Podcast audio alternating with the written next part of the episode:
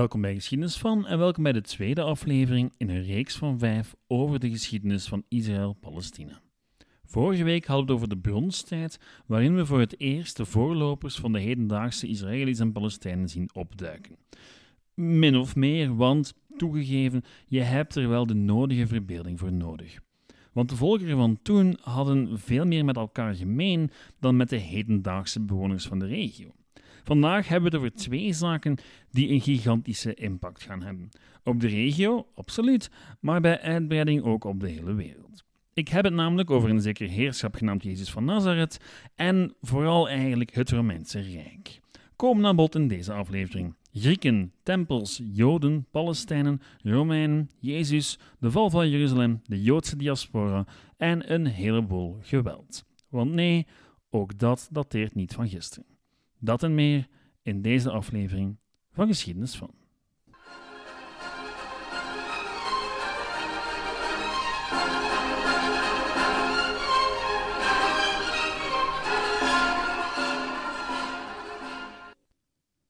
Mensen houden ervan om te zeggen dat geschiedenis zich herhaalt. En nu snap ik wel waarom men dat zegt, maar ik ben het er niet helemaal mee eens. Je kan nu eenmaal niet twee keer dezelfde rivier oversteken. De waterdruppeltjes die de vorige keer langs je schoenen heen raasden, hebben ondertussen al lang de kust bereikt. Geschiedenis is een constante stroom van gebeurtenissen waar verandering ook echt wel de enige constante is. Wat mij betreft herhaalt geschiedenis zich dus nooit, maar ze rijmt wel. Zo ook in Israël-Palestina of waarom de eerste aflevering wel degelijk van belang was voor ons bredere vraagstuk wat betreft het waarom van het hedendaagse conflict. Er is namelijk iets dat we vorige week al een paar keer tegenkwamen. Een groot rijk valt de regio binnen, het verslaat de lokale rijkjes, annexeert ze en vervolgens moet men om de haverklap afrekenen met een onrustige bevolking die bij het minste teken van zwakte in opstand komt waarop de grootmacht terugslaat met heel wat bloedvergieten en een deel van de bevolking verband naar ver afgelegen streken. Nu, dat gaan we deze aflevering ook een paar keer zien terugkeren, zij het met steeds grotere en verrijkende gevolgen. Dat en eindeloze interne twisten waar diezelfde grootmachten van gaan profiteren. De vroege geschiedenis van Israël-Palestina is dus niet bepaald om vrolijk van te worden. Of wat had u gedacht? Goed, we waren geëindigd bij de verovering van de regio door de Perzen in 539 voor Christus, de terugkeer van een grote groep Israëlieten uit de Babylonische ballingschap en het ontstaan van het Jodendom zoals we het min of meer vandaag de dag nog kennen, zij het met enkele grote verschillen. De Torah, in elk geval, het heilige boek, was er wel al en werd waarschijnlijk tijdens de ballingschap en vlak erna volledig neergepend. Naast de Israëlieten waren er ook nog andere volkeren, zoals de Edomieten, de Samaritanen, de Nabateërs en enkele Arabische stammen aan de grenzen. Oh, en naar alle waarschijnlijkheid liepen de nazaten van de Filistijnen ook nog ergens rond, maar tijdens deze periode verdwijnen zij uit het historische beeld. De Persen heersen over al die volkeren met relatief zachte hand, tot de jaren 30 van de 4e eeuw voor Christus, toen een zekere Alexander de Grote opdook en het volledige Perzische Rijk veroverde, inclusief Palestina. Nu, die Alexander die overleed al in 323 voor Christus, maar vervolgens werd zijn rijk opgedeeld tussen generaals. En Palestina belandde in handen van, wel, uh, de sterkste. Want jawel, Palestina was voor de zoveelste keer het onderwerp van een partijtje touwtrekken tussen enerzijds Egypte en anderzijds het zoveelste Oosterse Rijk. Dat beide rijken deze keer beheerd werden door Grieks sprekende elites, maakte voor de bevolking van Palestina waarschijnlijk bitter weinig uit. Pas in 200 voor Christus, na vijf oorlogen en meer dan 100 jaar bloedvergieten, werd het pleit definitief beslecht in het voordeel van de Seleucidische dynastie die regeerde over de resten van het Perzische Rijk. Nu, met die vergriekste rijken deed ook de Griekse cultuur en taal definitief zijn intrede in Palestina. Er was altijd wel al sprake geweest van een zekere invloed via handel, maar onder de nieuwe Griekse heersers werden er plots Griekse steden gesticht, Griekse tempels gebouwd en streken er ook een heleboel Grieken neer die het topje van de maatschappij vormden. Wat niet bijster goed viel bij die oorspronkelijke bevolking. Een deel van de lokaal Joodse elite in Judea echter besloot om zich aan te passen en de gewoonten van de heersers over te nemen. Zij Helleniseerden, net als zoveel mensen in het oosten op dat moment. Nu, die Hellenisering leidde steeds meer tot een machtsconflict met aan de ene kant Grieken en gehelleniseerde Joden en aan de andere kant zij die wel wouden vasthouden aan de tradities. Een conflict dat pas echt explodeerde toen koning Antiochus IV besloot om de Joodse tempel in Jeruzalem in te wijden als een Griekse tempel. Joodse religieuze praktijken verbood en zowat al zijn Joodse onderdaan verplichtte te helleniseren. Het was genoeg geweest met al dat anders zijn. Want ja, het Jodendom was wel heel erg anders dan bijna alle andere religies die er waren op dat moment. Het is maar normaal dat men het wat moeilijk had met dat monotheïsme, terwijl er overal elders gewoon een polytheïsme was, waarbij men gewoon offerde aan de goden en meestal ook aan de godkoning van dienst. Weigering om dat te doen, ja, ondermijnde min of meer de staat. Dit is hetzelfde probleem waar men later mee geconfronteerd gaat worden als de Romeinen de plaks waren. Goed, maar dat is voor straks. Nu, het kwam in 167 voor Christus tot een regelrechte opstand toen een Joodse priester genaamd Matthias of Matthias een gehelleniseerde Jood vermoordde. De opstand begon dus eigenlijk als een soort van burgeroorlog, maar mondde uit in een bevrijdingsoorlog, waar de zonen van die ene priester de Joodse bevolking leidden tegen een superieure tegenstander. En wat doe je als je je eigen land tegen een militair superieure vijand vecht? Wel, of je nu de Vietnamezen in de jaren 60 en 70 bent, de Afghanen in de jaren 80 of de Joden in de jaren 160, het antwoord is steeds hetzelfde. Hit-and-run tactieken. Je valt aan en je trekt je terug in de wildernis. Nu, zo maakte men het de Seleuciden uiterst moeilijk. Daarbij geholpen trouwens door een heleboel intern gekibbel na de dood van Antiochus tussen zijn zoons. In 164 veroverden de Maccabeën, zoals die opstandelingen zichzelf noemden, Jeruzalem. Maar daarmee was het werk voor hen nog niet af. Zij wouden heel Judea in handen krijgen en zochten daarvoor steun van buitenaf. En wie lag er rond deze tijd altijd te luren naar opportuniteiten om zich in andermans zaken te mengen en dan vervolgens zelf met de winsten te gaan lopen? Op dit moment nog een republiek, waarin zowat alles al even imperialistisch als Napoleon of Willem I, juist, Rome. Rome zag haar kans schoon om de macht van de Seleuciden in de regio te ondermijnen door de Maccabeën te ondersteunen. Uiteindelijk werden interne conflicten de Seleuciden te veel en moesten ze de nieuwe Joodse staat haar vrijheid laten. Judea werd praktisch onafhankelijk en kon vanaf 130 voor Christus zelfs beginnen met een groot deel van de nabijgelegen provincies onder haar controle te brengen. En in die vers veroverde gebieden werd de veroverde bevolking weinig keuze gelaten.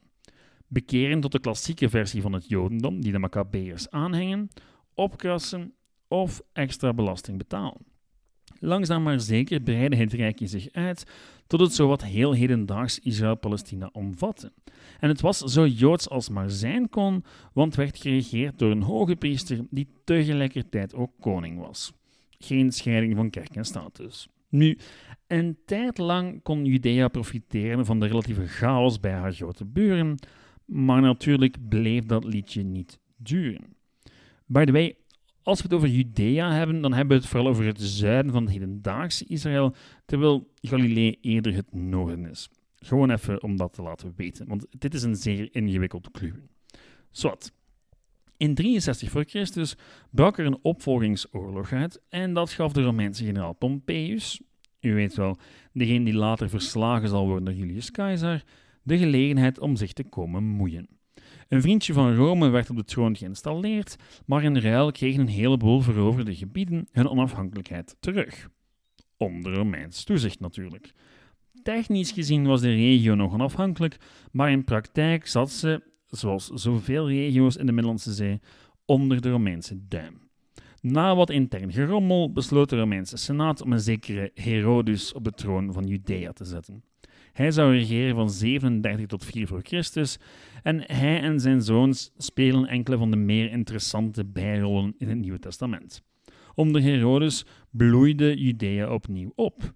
De tempel in Jeruzalem, het hart van het Joodse geloof, werd opnieuw opgetrokken. Jeruzalem werd groter dan ooit tevoren en daarbovenop werden ook nog nieuwe havens en steden gebouwd. Al was natuurlijk niet iedereen even tevreden met de toestand onder Herodes en zijn zonen. Herodes maakte immers niet deel uit van de vorige dynastie en hij ging nogal pragmatisch om met de Joodse wet. Na de dood van Herodes in 4 voor Christus werd zijn rijk verdeeld onder zijn zonen, maar Judea kwam al in 6 na Christus onder rechtstreekse Romeinse controle te staan. En wel, dat leidde tot een toestand die heel veel weg had van wat ik eerder in deze aflevering al eens beschreven heb. De bovenste regionen van de maatschappij waren best blij met alle rijkdom en stabiliteit die Romeinse overheersing met zich meebracht, maar daaronder rommelde het. En dit is trouwens de context van het Nieuwe Testament. Jezus was een van de vele rondtrekkende predikers die sprak over een nieuw begin en goddelijke interventie. Nu, over hem en de gevolgen van zijn verschijning voor de regio later meer. Feit is dat decennia lang Judea een soort van snelkookpan was die elk moment kon ontploffen. In die context moet je trouwens het Nieuwe Testament lezen. Christus en zijn volgelingen vormden slechts een van de vele Joodse bewegingen die de Romeinen angstvallig in de gaten hielden. Of waarom hij uiteindelijk gekruisigd werd na genoeg klachten van conservatieve Joden. Nu, dat christendom gaat later nog een zeer grote rol spelen in de regio, maar niet onmiddellijk. Het had immers tijd nodig om van een randfenomeen binnen het Jodendom uit te groeien tot een echte bedreiging voor het Romeinse Rijk en vervolgens door een zeer vreemde opeenvolging van gebeurtenissen aangenomen te worden als staatsgodsdienst. Pas in de aflevering van volgende week gaat het echt een dominante factor worden waar we rekening mee moeten houden. Oké, terug naar de snelkookpan. In 66 voor Christus was het zover. De eerste Joods-Roomse oorlog brak uit en eindigde pas in 70 na Christus met de vernietiging van Jeruzalem en de tempel door de Romeinse keizers Vespasianus en Titus. En ik kan niet genoeg benadrukken hoe belangrijk deze gebeurtenis was voor ons verhaal. Als u een jaartal moet onthouden van de eerste twee afleveringen van dit reeksje, laat het dan 70 na Christus zijn. Waarom? Wel, om te beginnen betekent het het einde van het Jeruzalem van Herodes en co. De tempel wordt geplunderd en vernietigd. En ten tweede is het het begin van het einde van de Joodse meerderheid in wat we vandaag Israël-Palestina noemen. Jeruzalem wordt van een cosmopolitische hoofdstad met een bevolking van meer dan 200.000 inwoners uiteindelijk gereduceerd tot een Romeinse garnizoenstad met 4000 inwoners. Judea zelf had voor de opstand een bevolking van meer dan 2 miljoen Joden, waarvan er volgens eigentijdse bronnen zowat de helft omkwam. En daarmee was de wraaklust van het Romeinse Rijk nog steeds niet gesteld. Er werd een zogenaamde fiscus judaicus opgelegd, een algemene belasting voor Joden waar ze ook mochten verblijven in het Rijk. Want heel wat Joden hadden ondertussen eieren voor hun geld gekozen en hadden de streek verlaten. Nu, voor 70 na Christus was dat nog vooral in het oosten van het Romeinse Rijk, rond de Middellandse Zee, en dan vooral wat hedendaags Turkije is. Maar na 70 gaan zij zich beginnen verspreiden over, wel, min of meer de hele wereld, maar daar heb ik het in een volgende aflevering nog wel verder over. Dit alles betekende het einde van het Jodendom zoals men het toen kende. Het religieuze, politieke en culturele leven had eeuwenlang rond de tempel in Jeruzalem gedraaid, maar plots moest men een manier vinden om het zonder de tempel te doen. Wat ontstond was min of meer het hedendaagse Jodendom met zijn synagoges en rabbies. Een groot deel van de bevolking van de regio was nog steeds Joods, maar ja, dat zou niet bijster lang duren. De reden daarvoor ligt enerzijds bij de Joden zelf en anderzijds bij de Romeinen. Want de Joden konden zich maar niet neerleggen bij de Romeinse overheersing. Toen de Romeinse keizer Trajanus in 115 na Christus zijn handen vol had met de Parten in het oosten, de zoveelste versie van het Perzische Rijk, kwam de Joodse bevolking van een heleboel regio's in opstand.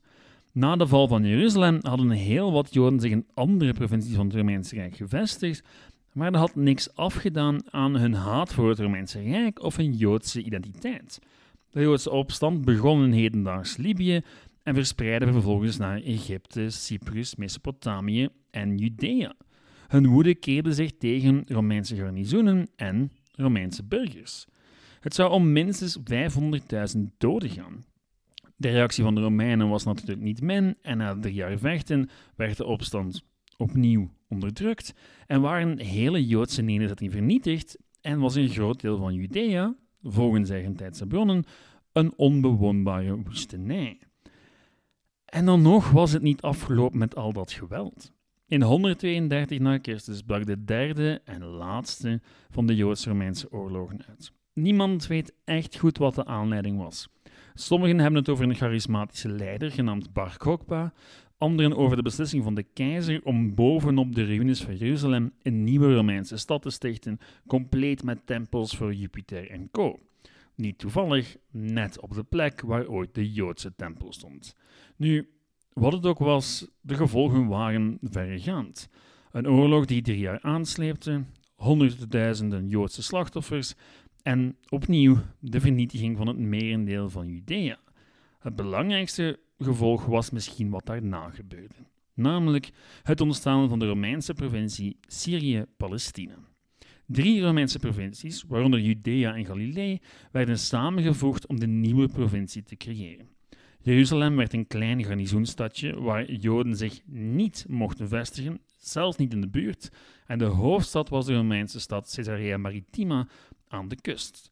En dit is het moment waarop Palestina grotendeels een regio zonder Joden wordt en waar de termen Judea en Israël hun politieke betekenis verliezen en grotendeels iets van het verleden worden. Laat mij hier eventjes de tijd nemen om het te hebben over die namen. Palestina, Israël, Judea. En waarom ik hier vooral Palestina gebruik. Dat is niet omdat ik politiek meer naar één kant van het conflict zou neigen dan naar een andere, maar omdat het nu eenmaal de meest gebruikte historische term is voor de periodes waar ik zeker vanaf nu over ga praten. Dat zit zo. Het is de term die in de overgrote meerderheid van de historische bronnen gebruikt wordt en die door historici gebruikt wordt.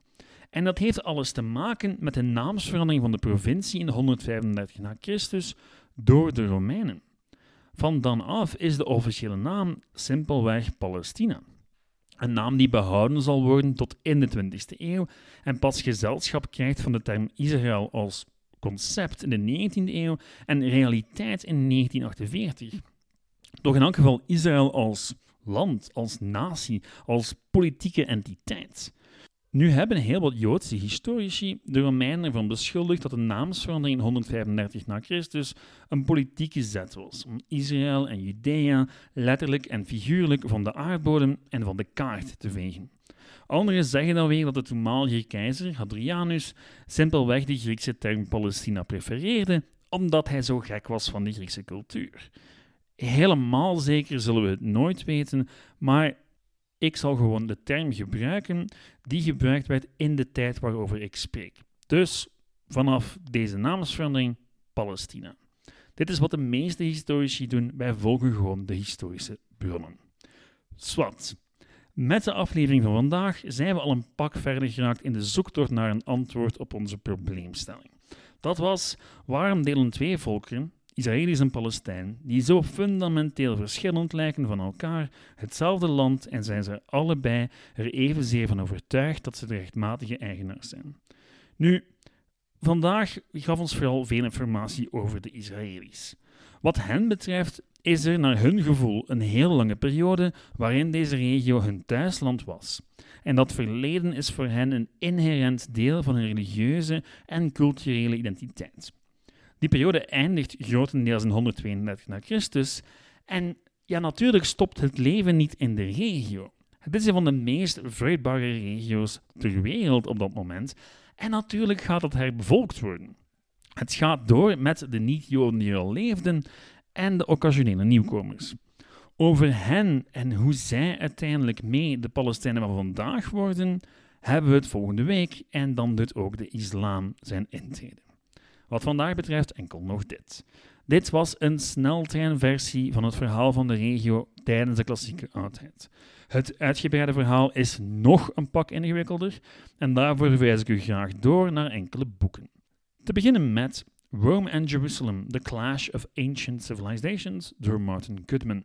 De focus ligt hier op het conflict tussen Romeinen en Joden en vat het eeuwendurende conflict tussen beiden goed samen. Verder is er ook nog History of the Ancient Near East door Mark van den Mierop, voor wie meer wil weten over de bredere geschiedenis van het Midden-Oosten tijdens deze periode. En werken zoals The Oxford History of the Biblical World door Michael D. Coogan of The Jewish World in the Time of Jesus door Emil Schurer, voor wie meer wil focussen op de religieuze kant van de zaak, die zeker de moeite is, maar waar ik in deze aflevering maar weinig tijd voor had. Met commentaar en feedback kan u zoals altijd terecht op geschiedenisvan.outlook.be, de website geschiedenisvan.be of de Facebookgroep Geschiedenis van. Bedankt voor het luisteren en tot volgende week. Ciao!